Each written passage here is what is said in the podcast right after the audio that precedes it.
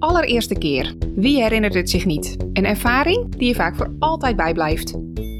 Iedereen heeft wel een verhaal bij zijn eerste keer. De eerste keer op reis wel te verstaan en alle eerste keren die daarmee gepaard gaan. Die eerste keer schade met je zelf omgebouwde campervan. Die eerste keer wild kamperen in plaats van een plekje op de camping. De eerste keer heimwee, voor het eerst die klop of de eerste keer terug naar huis of juist nooit meer weg willen. Van Verhalen presenteert daarom de Eerste Keerkast.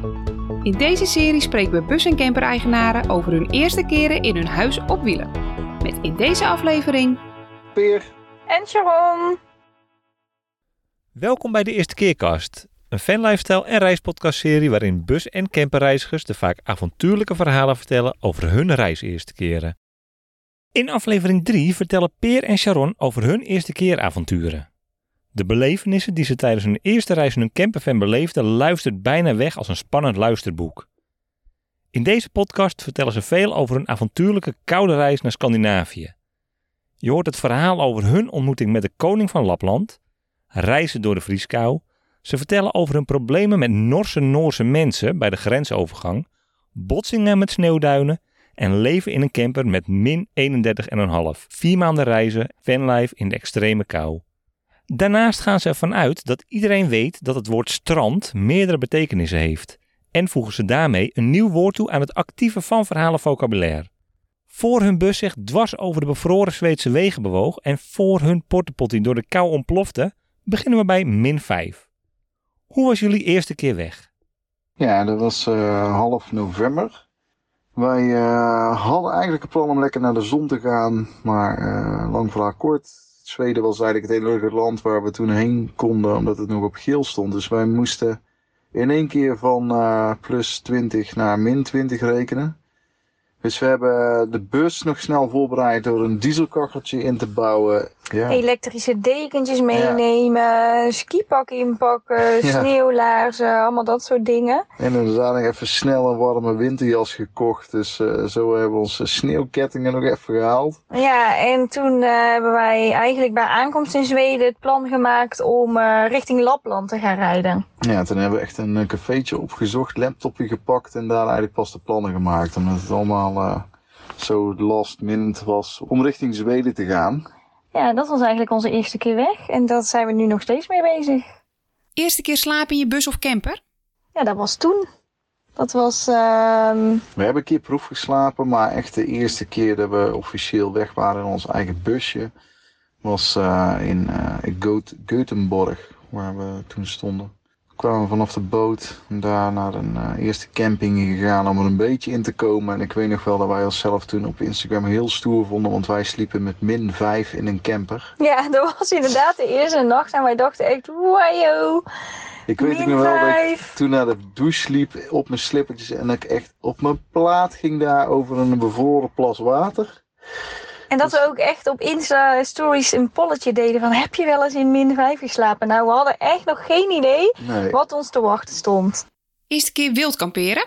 Nou, wij zijn eigenlijk de eerste drie dagen in Zweden hebben op de camping gestaan. Omdat we in de stad waren, in Göteborg. En ehm, daarna zijn we de eerste keer gaan wild kamperen in Smögen. Ik weet niet zeker of ik het goed uitspreek. maar, eh, dat is een vissersplaatsje aan de kust eh, in Zweden. Normaal super toeristisch dorpje, maar op dat moment was er helemaal niemand. Ja, en door corona en door de winter. Dus in de winter ligt eigenlijk dat hele dorpje plat. Terwijl in de zomer is het echt, eh, ja, hoe noemden ze het nou? Het Ibiza van Zweden of zo?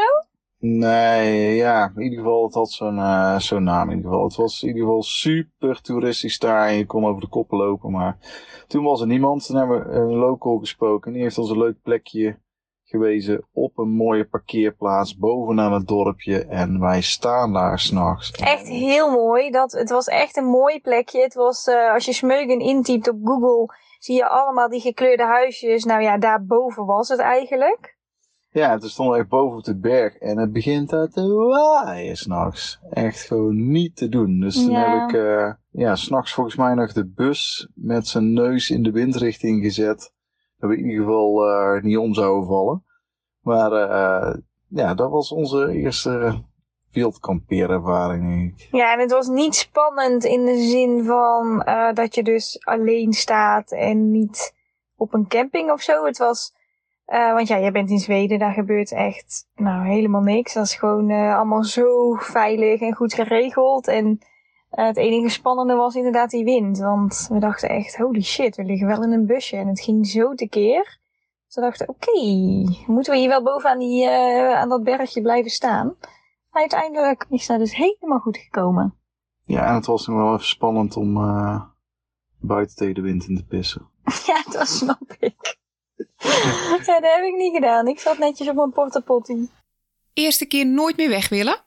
Nou, we zijn eigenlijk op heel veel plekjes verliefd geworden. Maar de eerste keer denk ik dat we wel verliefd werden op, op Mora. En dat ligt aan een heel groot meer. En daaromheen liggen dus heel veel dorpjes. Maar dit dorpje, ja, dat was zo schattig en lief. En hele leuke straatjes. Leuk winkelstraatje, leuke lunchtentjes. En we hebben daar ook een hele leuke, uh, leuke locals ontmoet. Of local. Local eentje, ja. Die was heel erg geïnteresseerd in onze bus. En die ging allemaal vragen stellen. En was super leuk. Waardoor we uiteindelijk bij hem thuis belanden. En uh, in een restaurant hebben gegeten met hem. En dus dat, dat was echt het eerste moment dat we dachten, wow, dit is echt zo tof. En hier zouden we echt heel graag uh, wel willen blijven. Ja, echt een topomgeving ook. Echt lekker bossen en meren. En, uh, we hebben natuurlijk alleen maar in de winter gezien, dus ik weet niet hoe het er in de zomer al uitziet. Maar ja, dat was wel echt een heel fijn dorpje. Eerste keer een souvenir in je camper opgehangen of neergezet? Nou, we hebben niet echt iets neergezet of uh, opgehangen, maar we hebben wel iets gekregen. Toen wij in, uh, in Lapland waren, toen uh, zijn we een weekje bij uh, de koning van Lapland geweest. zo, noemen, zo, noemen, wij hem. Uh, dat is natuurlijk niet de echte koning. Nee, maar Lapland heeft helemaal geen koning. maar Magnus Wimbjork, dat is echt de eindbaas van Lapland. Laat hem zo noemen. Hij weet alles. Hij is een goede fotograaf. Hij weet elk plekje te vinden qua wat... wat qua... wildlife. Ja, qua wildlife. Maar wat hij ook super weet is het Noorderlicht te vinden. Dus uh, hij maakt geweldige foto's en ook met onze bus in het Noorderlicht. Maar daar waren we dus en van hem hebben we uh, een, een souvenirtje gekregen. En dat is eigenlijk een houten uh, mok. En dat is wel grappig, want die mokken die krijg je normaal gesproken volgens mij als, als kind of zo. En die draag je eigenlijk altijd bij je als je naar buiten gaat, als je gaat hiken. Dus er wordt eigenlijk ook wel verwacht dat je die bij hebt, want daar doe je eigenlijk alles mee. Dus je drinkt daaruit koffie, thee, warme chocomel, maar ook soep. Uh, je kunt daar water mee halen. Dus dat ding hangt eigenlijk altijd aan je tas. Ja, en die uh, heb je dan echt gewoon jaren bij je tot die versleten was. Ja, Alleen ik kreeg het voor elkaar om dat ding na drie dagen al kwijt te zijn. dus dat was een beetje... Uh... Ja, dat durfde hij eigenlijk ook niet te zeggen, Nee, hè? ik durf het niet te zeggen. Maar uiteindelijk heb ik het zo gekregen dat ik hem toch weer gevonden heb. Dus dat was wel een hele opluchting. Maar, ja, en die hebben we dus ook meegenomen. Dus die staat nu in onze bus. Ja, dat was gewoon heel fijn. Want die hebben we daar sowieso die week bij hem heel veel gebruikt. En uh, ja, dat was echt ideaal. Daar hadden ze ook onze naam in gegraveerd. En dat was eigenlijk echt een nou ja, iets wat zij altijd gebruiken ja, daar. Beetje... Alle locals gebruiken die en ook iedereen had ze. Ja. En sommige waren rood omdat ze te veel tomatensoep hadden gegeten. En de andere waren zwart omdat ze alleen maar koffie zopen. En uh, de andere waren vooral uh, heel schoon omdat er alleen maar whisky in zat. Ja, precies. Dus dat is eigenlijk ons souvenirtje. Eerste keer niet blij met je slaapplek? Ja, niet blij, niet blij. Kijk, de ene plek is zoveel toffer dan de andere. Maar ik denk dat wij echt niet blij waren met de plek waarbij we de grens over wilden van Zweden naar Noorwegen. Dat was na 2,5 maand wilden we in het noorden, echt in het noorden, noorden van Zweden, de grens over naar, uh, naar Noorwegen. Ja, daar had je ja, een dit PC... was nog wel even het uh, beeldvorming volop in de lockdown. Dus uh, ja, Noorwegen had super strenge eisen om het land binnen te komen. En een van de eisen was PCR-test en een geldige reden om naar Noorwegen te gaan. Alleen wij waren zo de ene kant strand en de andere kant naïef. Uh, om daar zonder PCR-test aan Ik denk te dat komen. strand een Brabants woord is. Ik weet niet of zij het snappen. Ik weet het niet. Anders zoek het even op. Ja, weet je wat ze dan krijgen? Nou, ik denk dat strand gewoon wel een normaal woord is. Nee, dat zou mooi zijn. Uh, maar in ieder geval, wij gingen zonder PCR-test naar de grens. Uh, Niet omdat we rebels zijn, helemaal niet. Maar omdat dat dus zou wij nooit doen. toen in Lapland was er oprecht geen locatie te vinden waar ze PCR-testen deden. Dat was toen nog aan het beginstadium van het feit dat je PCR-testen nodig had. En daar is het zo dun bevolkt. En Zweden was sowieso wel een beetje rebels in al hun regels. En de conclusie was, we moesten 700 kilometer rijden voor een PCR-test. Ja, en toen Ja, dachten wij dachten met dat verhaal kunnen we wel aan de grens komen en zeggen, maar ja, maar meneertje de agent, we moesten 700 kilometer rijden, wil ze testen halen. Ehm, dus dat kon niet, er zijn hier geen tests, dus mogen we er alsjeblieft door. Alleen het probleem was dat er een dikke sneeuwstorm op komst was. Nou bleken er ook al ongeveer vijf borden te hebben gestaan met ledverlichting langs de weg van jongens, let op, deze weg gaat sluiten. Alleen dat was in het Zweeds, dus dat hebben we niet gelezen. En ik weet nog dat we zeiden van ja, moeten we dit vertalen? Wij zo nee joh, wat kan er nou zijn? Ja, wat kan er nou staan? Dus, Waarschijnlijk eh, overstekende rendier of zo. Ja, dus we hebben het niet, eh, niet vertaald. Dus wij kwamen er al aan met enige rukwinden in de zijkant. En toen kwamen we daar bij die agent aan. Hij zegt, nou, Ja, wacht. We moeten heel even uitleggen dat ehm, als jij daar de grens over gaat, dan heb je eigenlijk eh, de douane van Zweden.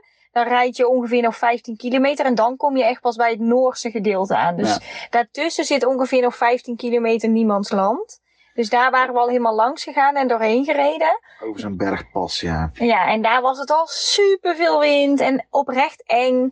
Want ja, jij kon amper je stuur recht houden. Nee, die wegen die zijn daar gewoon ijs. Er zit gewoon een ijslaag overheen. Dus op een gegeven moment kreeg je windvlagen. En dan schuift hij gewoon je bus gewoon een halve meter horizontaal over de weg. Dus dan, ja, dat gaat gewoon echt loeihard. En eh, dus wij kwamen bij die agent aan. Dus wij zeggen ja, we kunnen gewoon echt niet terug over deze weg. Hij zegt, ja, dat is niet mijn probleem. Jullie hebben het risico genomen om hier aan te komen zonder test. Dus nou neem ook maar het risico om terug te gaan. Hij zei, ja, weet je, eh, niemand heeft gezegd dat het makkelijk is om te reizen in coronatijd. Je komt er gewoon echt niet in. En eh, wij zeiden, ja, maar we kunnen geen PCR-test vinden. Oprecht, hij zei, ja, dat is niet mijn probleem. Ga maar naar Nederland en kom dan maar weer terug. Wij dachten echt, oké, die gaan we echt niet voor elkaar krijgen. Nee, dat hebben we dus ook niet gekregen. Dus wij moesten terug. Ehm, Hij zei, je hebt een goede bus, draai maar om. En hij zegt, ik zou opschieten, want over 20 minuten zijn alle wegen dicht.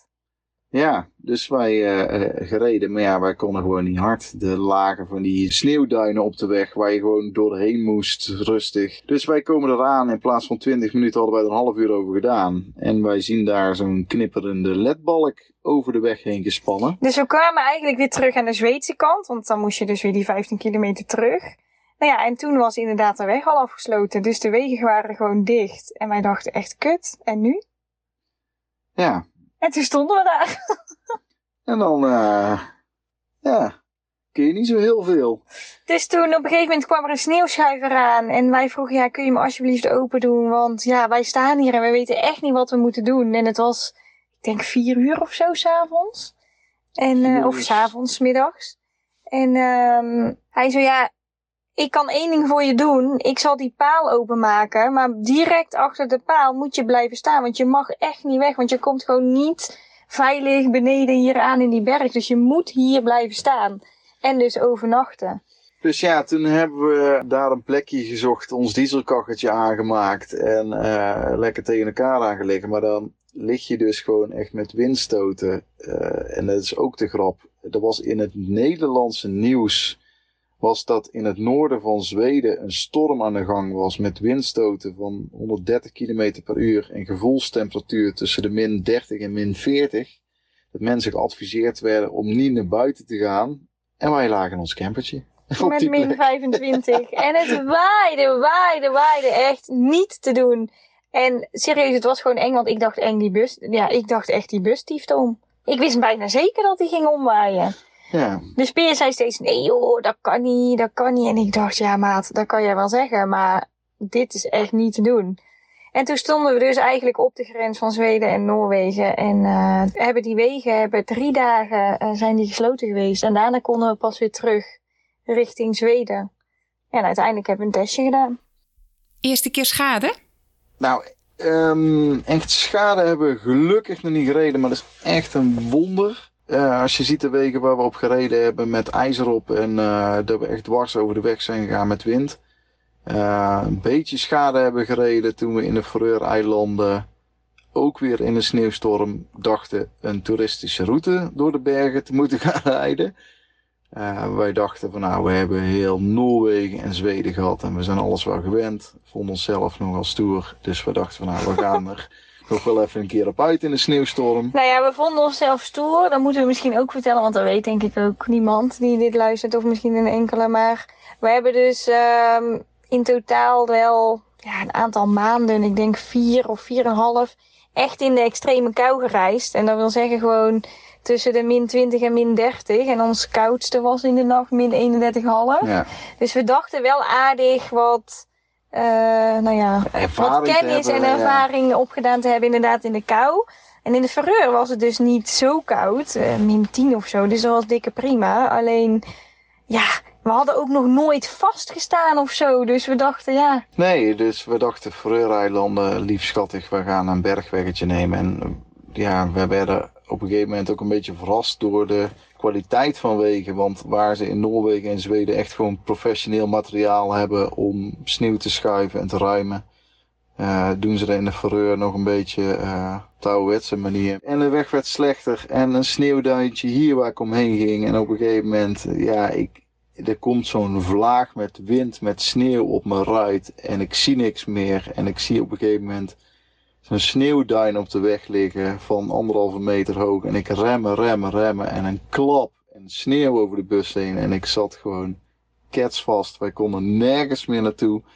En toen heeft hij dus ja, schade gereden. Toen is de, de, eh, de beschermkap van de radiateur is naar binnen geklapt. En die heb ik later wel kunnen herstellen. Maar ja, dat was wel even eh, heftig, ja. Ja, en verder eigenlijk weinig schade. We hebben wel heel veel schade gehad, maar niet door het schade rijden, maar meer door de weersomstandigheden. Dus ja, we hebben bevroren leidingen, eh, bevroren accu, die hebben we vervangen in Zweden. Ja, we hebben wel twee accu's kapot gevroren bijna, inderdaad, die er gewoon niet meer tegen konden. Een keer de ventilator vastgevroren van de verwarming. Dat ook inderdaad de verwarming het niet meer deed, eh ontplofte wc, Ja, onze porta potty is nog een keer ontploft. eh, door de kou. eh, onze achteruit is eruit geklapt door de temperatuurverschillen. Dus we hebben wel heel veel. Nou ja, ja, wel een aardig lijstje, maar ja, Ja, maar dus niet per se door het, door het schade rijden, maar meer door de weersomstandigheden wat, eh, wat ons is overkomen. Eerste keer willen opgeven? Nou ja, de eerste keer willen opgeven heeft echt wat te maken met, eh, met de weersomstandigheden waarmee we hebben moeten dealen. Ehm, op zich ging het wel gestaag, dus dat was heel fijn. We begonnen dus inderdaad met min 5, min 10, min 15. En hoe meer we in het noorden kwamen, hoe kouder dat het natuurlijk werd richting Lapland en in Lapland. En ik denk wel dat we dus momenten hebben gehad waarvan we dachten, nee, waar, we zijn we aan begonnen? helemaal klaar mee waren, ja. Want echt om een voorbeeld te geven, op een gegeven moment zijn zo'n accu en, en eh, ja, die kunnen gewoon niet tegen die extreme temperaturen. En dan laat hij niet meer bij en je hebt geen zon, want op het moment dat wij in, in Lapland waren, dan ging de zon om kwart over elf op en om half één ging hij weer onder. Dus je zonnepanelen die doen niks en je batterij laat niet op. En dan kwam er s'nachts weer zo'n alarmpje dat de batterijvoltage te laag was. En echt, ik was er helemaal klaar mee. Maar ja, dan de volgende ochtend sta je op en dan zie je weer, weer het uitzicht en de sneeuw. En dan denk je weer van, oh, is dit toch vet. Nee, dus ja, dat was En- meer als een beetje de technische dingen. En dat heeft vooral te maken met de accu. Maar ook met alle bevroren shit. Alles was bevroren. En elke keer vergeet je dat weer. Want je denkt er gewoon niet over na. Dus als je dan uiteindelijk een wasmachine hebt en dan wil je je bed uitwassen. En dan kets bevroren. Dus je kunt niet wassen. Als je gaat douchen. Ja, Dus- we denken als wij s'avonds ons bed instapten. Ja, Onze de- matrassen waren op een gegeven moment aan de zijkant van de bus gevroren. Ja, dan je gewoon echt... vast gevroren inderdaad. Als we dan heel eventjes naar de keuken gingen bijvoorbeeld. Of stel je voor we stonden op een camping. Want eh, we hebben best veel op camping staan. Omdat het gewoon niet te doen was met alleen de dieselkachel. Dus we hadden echt die elektriciteit nodig. Om het warm te houden. Ja, de dieselkachel, twee elektrische kachels van 2000 watt en dan twee elektrische dekens aan om het een beetje behagelijk te krijgen. Maar dan waren nog steeds onze matrassen bevroren. Ja, of dat er zo'n zo'n bel, zo'n soort van snotterbel aan de kraan hing. En dat was dan ook al bevroren. Dus af en toe hadden we dan ook wel momenten en dat we echt dachten, man, man, hoezo zitten wij niet in Zuid-Spanje met onze dikke reet Ja. te shinen en dan op zie je Thijs en Florientje daar ergens in zo'n finca shinen. En dan dachten wij van, oh... Ja, dan waren we af nou niet jaloers natuurlijk, maar dachten wel echt, oh, misschien hebben we de verkeerde keuze gemaakt. Maar dat waren altijd echt zulke kleine momenten.